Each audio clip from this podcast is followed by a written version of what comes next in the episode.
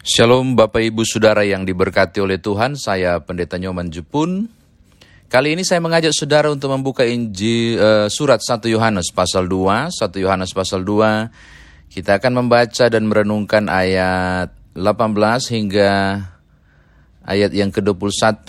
1 Yohanes pasal 2 ayat 18 hingga ayatnya yang ke-21.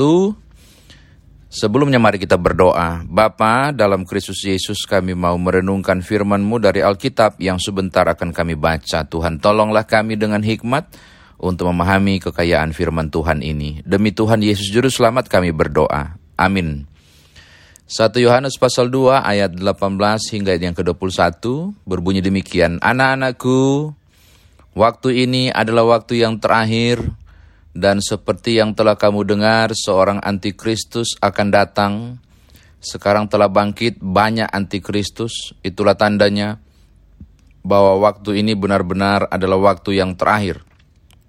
Memang mereka berasal dari antara kita, tetapi mereka tidak sungguh-sungguh termasuk pada kita.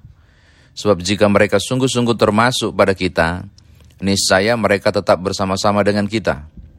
Tetapi hal itu terjadi supaya menjadi nyata bahwa tidak semua mereka sungguh-sungguh termasuk pada kita. Tetapi kamu telah beroleh pengurapan dari yang kudus, dan dengan demikian kamu semua mengetahuinya. Aku menulis kepadamu, kepadamu bukan karena kamu tidak mengetahui kebenaran, tetapi justru karena kamu mengetahuinya, dan karena kamu juga mengetahui bahwa tidak ada dusta yang berasal dari kebenaran. Demikian firman Tuhan, saudara dan saya dikatakan berbahagia jika mendengarkan firman Tuhan ini, merenungkannya, memberitakannya istimewa, melakukan dalam kehidupan beriman kita. Bapak Ibu, saudara kekasih dalam Tuhan, jika hari Minggu kemarin saudara mengikuti pelayanan firman di GPIB, kita membaca 1 Yohanes pasal 2 ayat 1 sampai 17 tentang perintah baru uh, dan bagaimana orang membenci lalu mengasihi dan seterusnya. Sebenarnya isi dari surat Yohanes ini bicara soal terdapatnya berbagai ajaran sesat pada gereja mula-mula. Salah satunya di masa Yohanes menulis surat ini yang paling terkenal adalah aliran Gnostik. Gnostik adalah satu aliran yang menekankan pada genos atau pengetahuan. Keselamatan tidak datang dari Yesus Kristus, tapi datang dari pengetahuan, datang dari pemahaman yang benar, di menekankan soal akal budi. Eh, tidak heran kemudian frasa filsafat menjadi sangat kuat bermain pada pemahaman-pemahaman seperti ini. Oke, jadi penolakan Yesus sebagai juru selamat, penolakan Yesus sebagai Kristus itu ada sangat kuat pada zaman gereja mula-mula di saat Yohanes ada. Nah kalau kemudian hari ini kita membaca tentang antikristus, mari lihat ayat yang ke-18. Seperti yang sudah kamu dengar, kata Yohanes di ayat yang 18, bahwa ada seorang antikristus akan datang. Menariknya dia tidak fokus di situ. Kalau saudara membaca kitab Wahyu dengan penulis yang sama, saudara akan paham yang dimaksud dengan seorang antikristus itu pribadi yang besar, saya sengaja menekan kata besar dan penuh kuasa juga itu saudara bisa membacanya nanti di kitab Wahyu. Tapi tiba-tiba dia beralih dan dia menyebut bahwa sekarang telah bangkit banyak antikristus. Itulah sebabnya ini disebut sebagai waktu-waktu akhir. Dia mau bicara soal uh, akhir zaman. Dia mau bicara soal zaman akhir bukan akhir zaman. Perbedaan antara akhir zaman dan zaman akhir adalah ketika keselamatan diberi itu sudah disebut dengan zaman akhir. Kalau akhir zaman adalah akhir dari zaman akhir. Jadi kedatangan Kristus Yesus kali pertama untuk menyelamatkan manusia itu disebut dengan zaman akhir. Nah, akhir zaman adalah the end of the world. Akhir dari zaman akhir. Nah, yang dia bicara di sini soal zaman akhir, bukan akhir zaman. Berarti ini bicara soal apa? Ya soal masa kita juga. Soal masa Yohanes sama dengan soal masa kita saat ini, yaitu masa ketika keselamatan sudah diberi, akan datang para penyesat-penyesat yang disebut dengan antikristus. Siapakah antikristus itu? Kalau saudara membaca 1 Yohanes pasal 2 ayat 22 sampai 27 ya kita menemukan garis besarnya menekankan hal yang penting. Apa itu? Antikristus adalah mereka yang menolak, lihat ayat 22. Bahwa Yesus adalah Kristus. Dan mereka adalah pendusta yang menyangkal baik Bapa maupun anak. Antikristus mereka yang menyangkal ajaran-ajaran Kristiani tentang Bapa, Putra dan Roh Kudus. Antikristus adalah eh, orang-orang atau kumpulan orang ternyata, bukan cuma satu kuasa, cuma satu pribadi, tapi kumpulan orang yang menolak tentang ajaran yang diajarkan oleh Yesus Kristus. Itu saudara bisa baca di SBU hari ini, ayat 22 sampai ayat yang ke-27.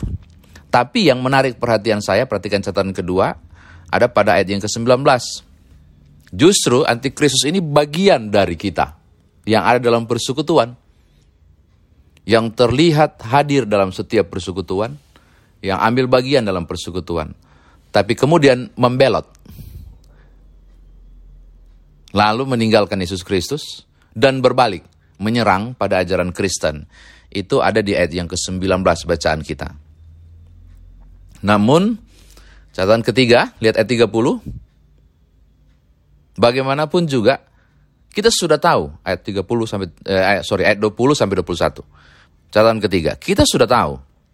Kita sudah tahu mengapa? Karena melalui urapan Roh Kudus ketika Roh Kudus dicurahkan kepada kita, kita beroleh hikmat untuk bisa membedakan siapa mereka yang kelihatannya benar-benar sungguh-sungguh dalam persekutuan atau mereka yang sebenarnya mencari kelemahan lalu kemudian menghancurkan persekutuan. Mereka yang kemudian menolak Yesus Kristus sebagai Tuhan dan Juru Selamat. Ayat 21, saya tulis ini. Karena kalian juga sudah tahu sebenarnya. Bahwa mereka yang pendusta, ini bicara soal bukan berbohong pendusta ini. Membalikkan fakta dengan logika pengajaran gnostik itu, akhirnya kemudian melemahkan dalam tanda kutip ajaran Kristen menolak Yesus Kristus sebagai Tuhan dan Juru Selamat. Saya kira itu saja Bapak Ibu beberapa hal penting di 1 Yohanes pasal 2 ayat 18 sampai 21. Nah, sekarang bagaimana kita mau bawa dalam kehidupan beriman kita? Dewasa ini kalau saudara menonton YouTube bahkan sebelum pandemi lagi sangat ramai bagaimana orang menolak Bapa, Putra dan Roh Kudus. Mereka yang menyangkali kehadiran Bapa Putra Roh Kudus, juga mereka yang menyangkali Kristus. Dan bagaimana ajaran-ajaran ini berkembang untuk mempertanyakan doktrin Kristen tentang uh, Tritunggal atau hal-hal lain ajaran-ajaran pokok dari ajaran Yesus Kristus. Saudara kekasih dalam Tuhan, mereka-mereka ini terkategori sebagai antikris. Mereka yang menolak ajaran Kristus. Saya tidak fokus di situ. Kalau itu gampang dibedakan. Tapi pergumulan kita adalah mereka yang terlihat ada dalam persekutuan. Mereka yang terlihat tiap hari ke gereja walaupun gereja online. Mereka yang sangat tekun terlihat melayani. Tetapi sebenarnya mereka yang tidak setia pada Kristus mereka yang ketika bicara penuh dengan berbagai hal yang tidak menekankan ajaran Kristen yang sesungguhnya. Saya mau masuk ke titik itu. Hati-hati. Saudara yang menerima Yesus sebagai Tuhan dan Juru Selamat. Tetapi justru saudara bersaksi terbalik tentang Kristus dan Juru Selamat. Melalui pola dan tingkah laku kehidupan yang tidak benar Secara pribadi saya mempertanyakan apakah sungguh dia seorang Kristen yang sejati. Dari luar terlihat seorang Kristen. Tapi sesungguhnya dari dalam dia tidak mempraktekkan ajaran-ajaran Kristus. Kalau orang mengatakan itu munafik, saya mau sampai pada titik surat Yohanes. Bagi saya itu antikristus.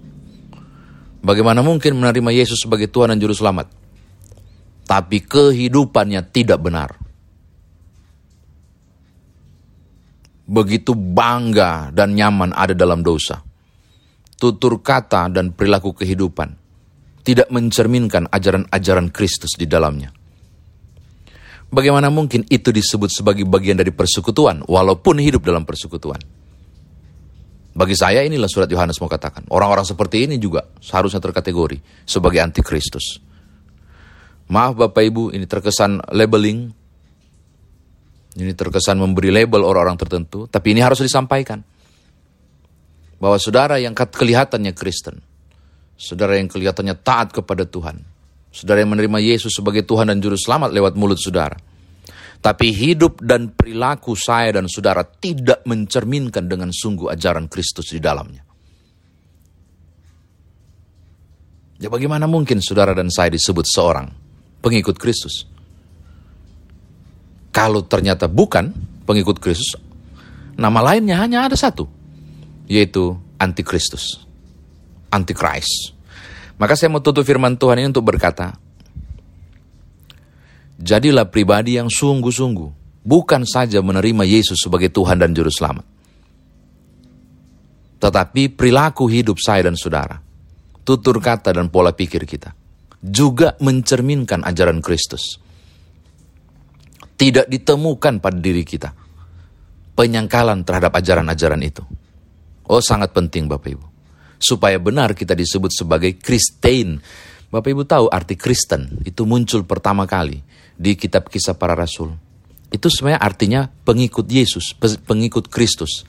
Nama Kristen ini ejekan sebenarnya di zaman gereja purba. Oh, ini pengikut, yo ini Kristen ya. Artinya si pengikut Kristus yang mati itu ya. Itu ejekan sebenarnya. Lalu kemudian menjadi menjadi identitas saudara dan saya saat ini. Tapi ketika saudara justru memakai label Kristen, hidup saudara tidak berpadanan, hidup saya tidak berpadanan dengan ajaran Kristus. Bagi saya saudara dan saya yang melakukan itu terkategori sebagai antikristus. ya, ya, maaf, saya harus mengatakan label ini. Bersungguh-sungguhlah menjadi bagian dalam persekutuan yang bukan hanya kelihatan sepertinya seorang Kristen, KTP asal jangan. Tapi ternyata cuma Kristen KTP. Perilaku kehidupan tetap tidak mencerminkan ajaran Kristus yang benar.